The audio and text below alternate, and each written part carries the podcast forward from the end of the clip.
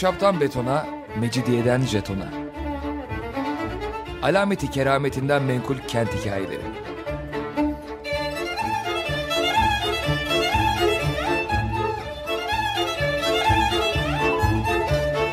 Hazırlayan ve sunan Pınar Erkan.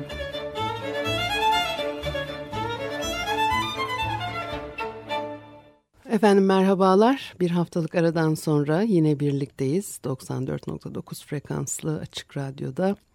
Ahşaptan betona, mecidiyeden jetona tam şu anda başlamış bulunmakta. Anlatıcınız ben Pınar Erkan. Elektronik posta adresimi söyleyeyim. pinarerkan.yahoo.co.uk Bakalım bugün programımızda neler var. Şimdi bir e, İstanbul'u e, ziyaret etmiş e, bir gezgin e, Salomon Schweiger, Sultanlar Kenti'ne Yolculuk adlı e, kitabın yazarı. Roma Cermen İmparatorluğu e, yani 16. yüzyılda İstanbul'a bir elçi gönderiyor. Bu elçinin mahiyetinde bulunan bir din adamı Schweiger. Bir yabancının gözünden 16. E, yüzyıldaki Osmanlı yaşantısını öğreniyoruz. Kitapta 1577'de e, Viyana'dan yola çıkıyorlar ve Budapeşte, Belgrad, Sofya, Filibe ve Edirne üzerinden İstanbul'a geliyorlar. Hem yolculuğu anlatıyor Schweiger hem de Sultan 3. Murat'ın padişahlık döneminde 4 yıl yaşamış İstanbul'da kenti anlatıyor. Kent halkının e, yaşamından, e, padişah sarayında e, yaşayanların özelliklerinden söz ediyor. Tanık olduğu olayları yorumlamış.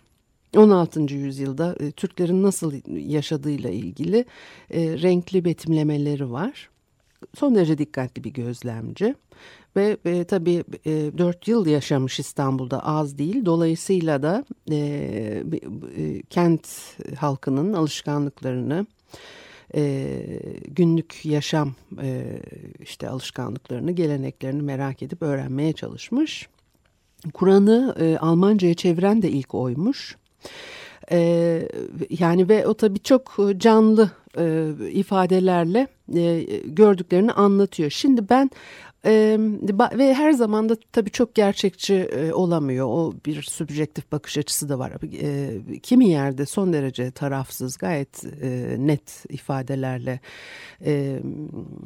durumu veya dönemi anlattığını görüyoruz. Bazen de tabii o kendine göre düşüncesini de ortaya koyan ifadeleri var. Şimdi ben e, bu kitaptan bazı e, paragraflar aktarmak istiyorum size. Hani 16. yüzyılda İstanbul'a gelmiş bir elçinin yanında görevli bir kişinin deneyimleri ve e, bize aktardığı bilgiler. Bütün kitabı tabii seçeceğim. Hatta baştan belki daha ilerleyen zamanlarda parça parça yine e, bölümler aktarmaya devam edebiliriz. Hani ancak bir giriş yapmış olacağız biz. Çünkü o kadar enteresan ki yani bütün kitabı baştan sona okusanız yeridir. Dolayısıyla ancak bir parça giriş yapmış olacağım size. Hani bütün kenti anlatıyor dedim ama o kadar da kenti anlatamayacağız. Muhtemelen nasıl İstanbul'a geldiği, yolda nasıl karşılanmışlar o bir enteresan onun e, dilinden e, gözünden e, onu bir aktarmak istiyorum size. Ondan sonra sarayda nasıl karşılandıkları bir kervansaraya yerleştiriliyorlar. Orada gece kalıyorlar filan hani nasıl olmuş nasıl yerleşmişler. Sonra bir e, tabii padişah huzuruna nasıl çıkmışlar o da çok enteresan. Dolayısıyla onu bir aktarmak istiyorum size. Sonra bir yemek daveti var. E, vaktimiz yettiği kadarıyla belki de bu kadarla kalacak. Halbuki adam yani dört senede gördüğü, yaşadığı, deneyimlediği bir sürü şeyi bize aktarıyor. O kadar ileriye gidemeyeceğiz ama e, en azından bir yabancı elçi mahiyetiyle beraber nasıl karşılanıyor ve işte e, ilk hani deneyimler şehre geldikleri zaman onu e, aktarmak bakımından buna ben önem de veriyorum. Size daha önce de e, e, şehre gelen büyükelçilerin nasıl e, karşılandığını farklı farklı programlarda anlattım. Çünkü hani o dönemi bize anlatan diplomatik politik ilişkileri e, anlatan ve örneklendiren e, aktarımlar bunlar. Dolayısıyla e, daha iyi anlamamız lazım. Bir sürü şeyi çok daha e, iyi anlamamız lazım. Geçmiş dönemleri çok az biliyoruz. Dolayısıyla bu örnekleri ne kadar e, çeşitlendirirsek e, kavramamız duygusunu e, derinliğini kavramamız daha kolay e, olur. E, biz de kendi tarihimizi biraz daha iyi bilmeliyiz. E, diye düşünüyorum ve somut örneklerden yola çıkarak bunu yapmaktan daha iyi bir herhalde e, yol yöntemde olamaz. Şimdi Kasım'ın 15. günü sabahın erken saatlerinde her zamanki gibi duamızı yapmış ve okumamızı henüz bitirmiştik ki bir haberci geldi ve Türklerin kararlaştırılan yere varmış olduklarını, bize bundan sonraki yolculuğumuzda refakat etmek üzere beklediklerini bildirdi. E, Komora dolaylarında Türkler elçi mahiyetini karşılıyor. E, bu, bunu e, anlatıyor bize e, Schweiger. Bunun üzerine hemen hazırlandık ve adadan ayrılarak Türklerin bizi bekledikleri yere gitmek üzere yola çıktık. Heyetimize kancalı tüfeklerle donatılmış nişancılardan ve piyade askerlerinden ibaret 1200 kişilik mürettebatı bulunan 21 adet NASA'da refakat edecekti. Ortalık hem gerimizdeki kaleden atılan topların hem de gemilerdeki askerlerin ve karşıda bekleyen Türklerin ateşledikleri tüfeklerin patlamasıyla kulakları sağır eden bir gürültüye boğulmuştu. Türklere bir tüfek atımı kadar yaklaştığımızda hepimiz gemileri terk ettik. Efendim bizi karşılamakla görevlendirilmiş olan heyetteki kişilerin yanımıza kadar gelmelerini beklemeye koyuldu. Fakat karşı taraftan kimse gelmedi. Herhalde işin içinde bir hile olmasından kuşkulanıyorlardı. Bunun üzerine elçi cenapları birini yollayıp neden kendisini karşılamaya gelmediklerini sordurdu. Karşılayıcılar yanıt olarak kendisinin onların yanına gelmesini beklediklerini bildirdiler. Efendim ise bunun usule uygun olmadığını, kendisinin onları karşılamaya gitmeyip onların kendisini karşılamaya gelmesi gerektiğini ileri sürdü. Böyle davranmadıkları takdirde durumun gerektirdiği biçimde harekete geçeceğini ama bundan onların ziyanla çıkabileceklerini belirtti. Onlar da elçiye eğer refakatçilerini uzaklaştırırsa onu usulüne uygun tarzda karşılamaya geleceklerini söylediler.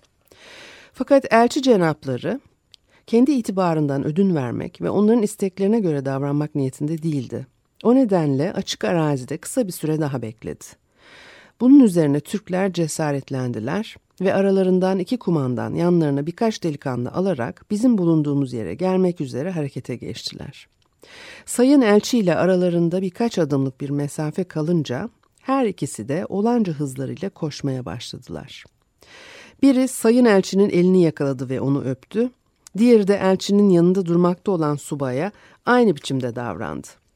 Subay hemen onlara Macarca hitap etti ve Kutsal Roma İmparatoru majestelerinin padişah hazretlerine gönderdiği elçinin ve mahiyetinin yüksek konumlarına uygun bir biçimde muamele görmesine ve bir engelle karşılaşmadan güvenlik içerisinde yolculuk etmesine özen göstermeleri, şikayete neden olabilecek durumları kendilerinden uzak tutmaları konusunda ikaz etti. Türklerden biri buna yanıt olarak Sayın Elçi cenaplarına şikayetlerde me şikayetlere meydan vermeyecek şekilde refakat edeceğini başı üzerine söz verdi. Çünkü Türklerde söylediklerini güvenilir kılmak ve güçlendirmek amacıyla başım için diyerek ellerini başlarına götürmek adettir. Çok geçmeden tekrar gemilerimize bindik ve yemek zamanı olduğu için karnımızı doyurup yola çıkmak üzere hazırlık yapmaya başladık. Elçi her iki Türk komutanını da yemeğe davet ettiyse de oruçlu olduklarını söyleyerek daveti kabul etmediler. Bundan sonra e, e, pek çok yol aşarak e, yolculuklarına devam ediyorlar ve e, Edirne'ye geliyorlar. Şimdi Edirne'de de Selimiye Camii'ni bir e, anlatışı var. Onu size aktarmak isterim. E, diyor ki Schweiger, Türkler bu kente Edirne diyorlar. Birçok yazar ise başka isimlerle çağırır. Şehre girerken genç Türk kabadayıları gavur gavur diye bağırışarak bizi kar topuna tuttular. Bu söz Tanrı'ya inanmayan anlamına gelmektedir. Büyük kar toplarından biri benim efendime isabet etti. Yeniçeriler bile bu başıbozuk grubun küstahça saldırılarını engelleyemediler. Kentin yargıcı olan kadı efendimi büyük bir nezaketle karşıladı ve bizi Türklerin bir çeşit vakıf binasına götürdü.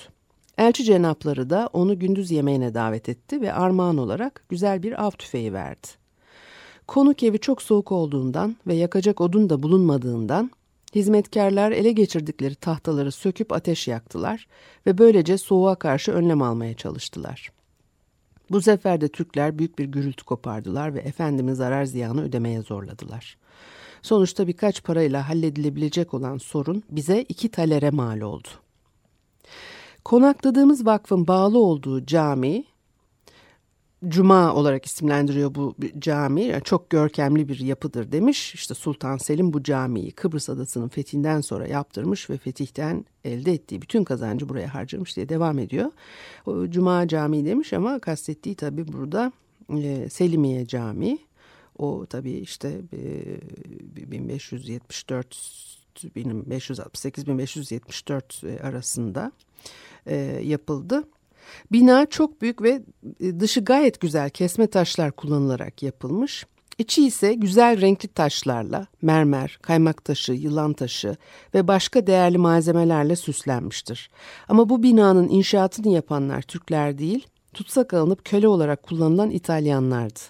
Türkler böyle bir işi başaramazlar. Caminin ortasına denk gelen kubbeden bir daire halinde sıra sıra 5000 kandil sarkmaktadır. Binanın dört köşesinde çok yüksek ve yuvarlak birer kule, yani minareyi kastediyor, bulunuyor. Her birinin çevresini dolanan ve çelenk gibi görünen nefis taş oymacılığıyla yapılmış üçer şerefesi var. Minarelerin içine sarmal şeklinde dolanarak ta tepeye kadar yükselen üç merdiven sığdırılmış ve bunlar birer duvarla birbirinden ayrılmış.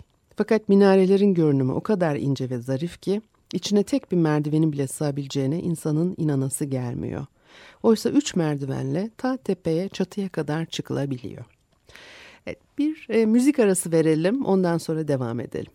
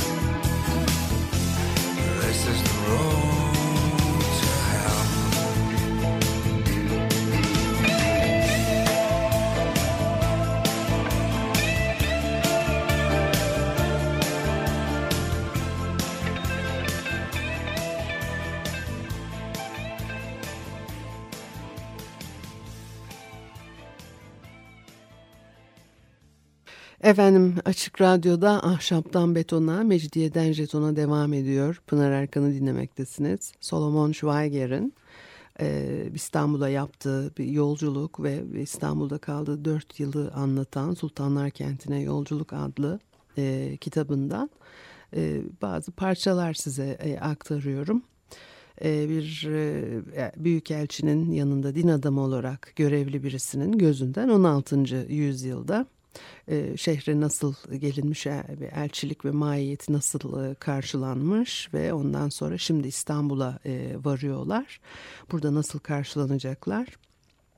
Onları e, aktarmak istiyorum. Epey zorlu bir yolculuktan sonra İstanbul'a varıyorlar ve diyor ki soğuk hava koşulları altında uzun bir yolculuk yaptıktan sonra Almanya'da alışık olduğumuz gibi rahat, sıcak bir mekana hasret kalmıştık bizi e, elçi için ayrılmış olan kervansaraya da yer gösterdiler. Bu dörtgen biçiminde bina bir saray kadar büyük ve genişti. E, dört tarafını dolaşan, koridora açılan, yan yana dizili birçok hücresi ve odası vardı.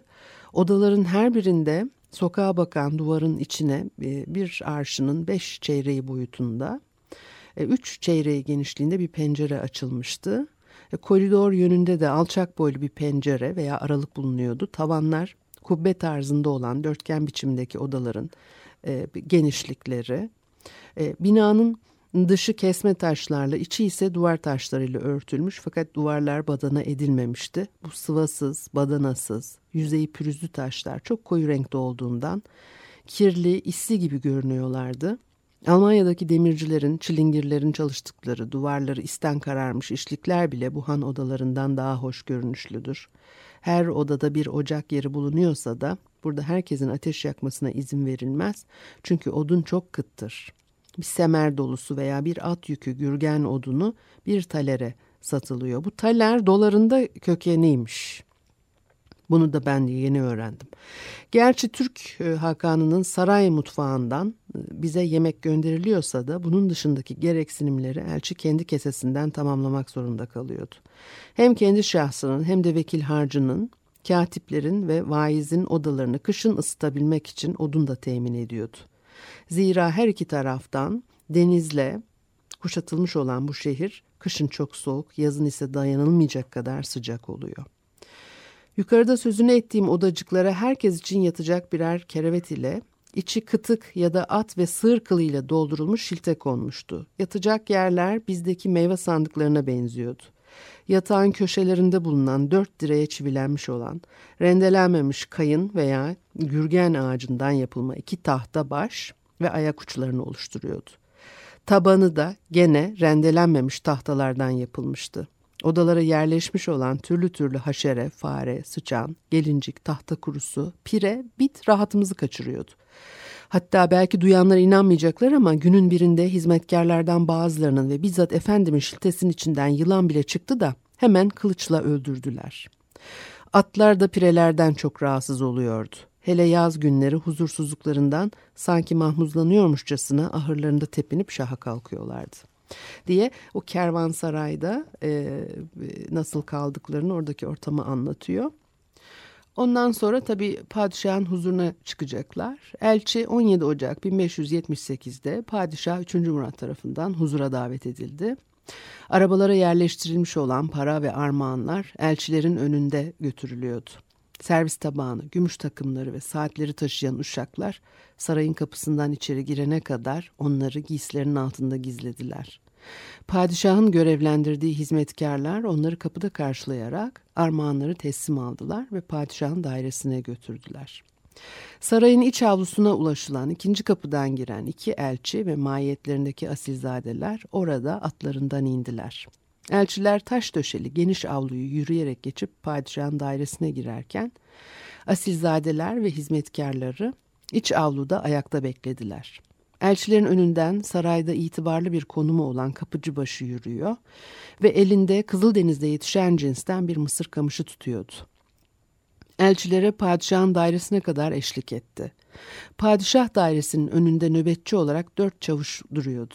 Bunlar soylu ailelere mensuptu. İkişer çavuş elçileri koltuk altlarından tutup içeriye götürdüler. İşte koltuklama hikayesi yok mu? Ve padişahın önüne gelince oldukça sert ve haşim bir tarzda yere bırakıp dizlerinin üzerine çökmeye zorladılar. Kapı ağası denen bir çeşit oda hizmetkarı tam karşılarına denk gelen bir yerde oturmakta olan padişahın üzerindeki giysinin eteğini tutup tek tek elçilere uzattı ve öptürdü. Roma imparatorlarının gönderdikleri elçilerin Türk hükümdarının önünde böyle dizlerin üstüne çökerek selam vermesi eskiden beri uygulanan bir gelenek değildir. Konstantin Magnus, Carolus Magnus ve aynı ayardaki diğer Roma imparatorlarının buna katlanmaya razı olduklarını sanmıyorum. Bu usul Roma İmparatorluğu'nun yere sağlam ayaklarla basamadığı dönemden itibaren uygulanmaya başlamıştır. Barbar Türklerin Roma İmparatorluğu'nun elçilerini karşılarında böyle yerlere çökmeye zorlayacak kadar bu devleti aşağılamaktan ve gülünç duruma düşürmekten çekinmemeleri onların ne kadar şeytani bir kibir ve üstünlük duygusu içinde olduklarını göstermekte. Oysa doğru olan elçilerin padişahın karşısında aynı seviyede oturarak görevlerini yerine getirmeleridir. Köylülere özgü bir kendini beğenmişlik duygusu içinde Hristiyan dünyasının başındaki kişi olan Roma imparatorunu, onun haşmetini ve gücünü hiçe saydıklarını herkese göstermek istiyorlar. Aslında Türk elçilerinin de imparatorun karşısında böyle tevazu içinde diz çökmeye zorlanmaları yerinde olurdu. Elçiler padişahın eteğini öptükten sonra kendilerine ayağa kalkmaları ve birkaç adım geriye çekilmeleri işaret edildi. Burada durarak üstlenmiş oldukları görevi yerine getirmek üzere söz aldılar. Önce İmparator Hazretlerinin selamlarını iletip sonra da onaylanmış anlaşma yazısını sundular. Yazının metni yaklaşık olarak şu sözleri içeriyordu.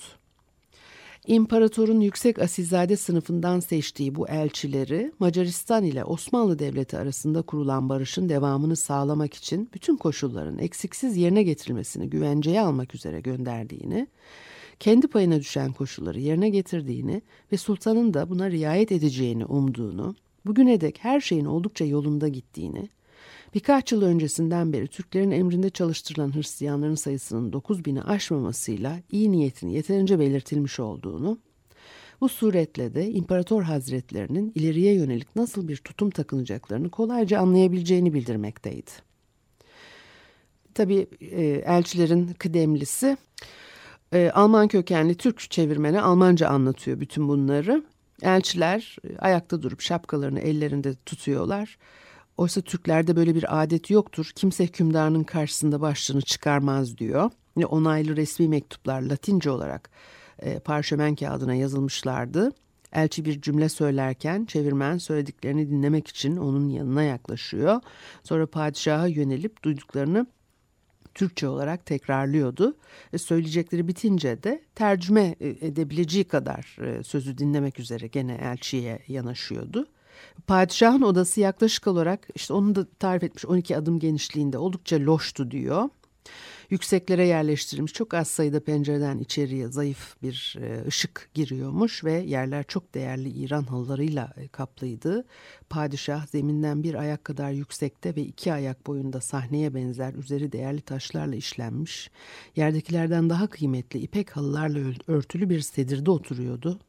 Bütün duvarlar boyunca halıların üstüne sırmalı ipeklerle dokunmuş, değerli taşlarla işlenmiş kumaşlardan yapılma güzel yastıklar ve minderler dizilmişti. Padişah Türklerde adet olduğu üzere sedirde bağdaş kurmamış, tıpkı bir iskemlede oturmuş gibi ayaklarını yere sarkıtmıştı. Üzerinde çok güzel sırmalı kumaştan bir e, giysi vardı ve parmaklarına bizim ülkemizde görmediğim irilikte yakutlarla, elmaslarla bezenmiş yüzükler takmıştı. Türklerin en önemli zinet eşyaları güzel yüzüklerden ibarettir. Altın zincirler, kral tacı, kraliyet asası ve küresi, özel kraliyet giysisi bu ülkelerde bilinmiyor ve e, geleneklerine de uymuyor diyor. Sonra da tabii onlar böyle bu konuşmaları yapıyorlar. Padişahtan da umdukları tepkiyi alamamışlar. Çünkü hani kendileri e, bu anlaşmada ne, ne beklediklerini dile getiriyorlar. Padişah da onlara bir şey söyleyecek diye düşünüyorlar. Fakat elçinin sözlerine karşılık tek bir sözle bile yanıt vermemiş padişah ve sadece öyle heykel gibi oturuyordu diye işte onu da öyle o şekilde tarifliyor.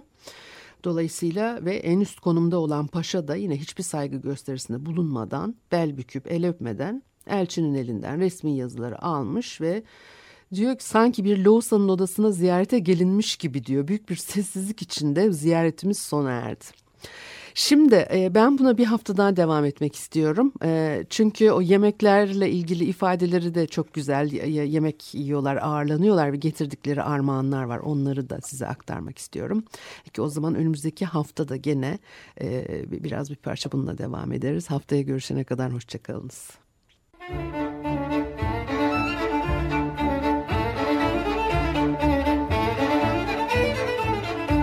Ahşaptan betona, mecidiyeden jetona. Alameti kerametinden menkul kent hikayeleri.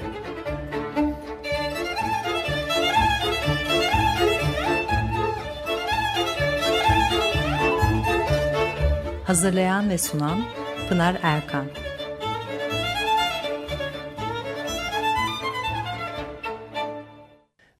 Açık Radyo program destekçisi olun. Bir veya daha fazla programa destek olmak için 212 alan koduyla 343 41 41.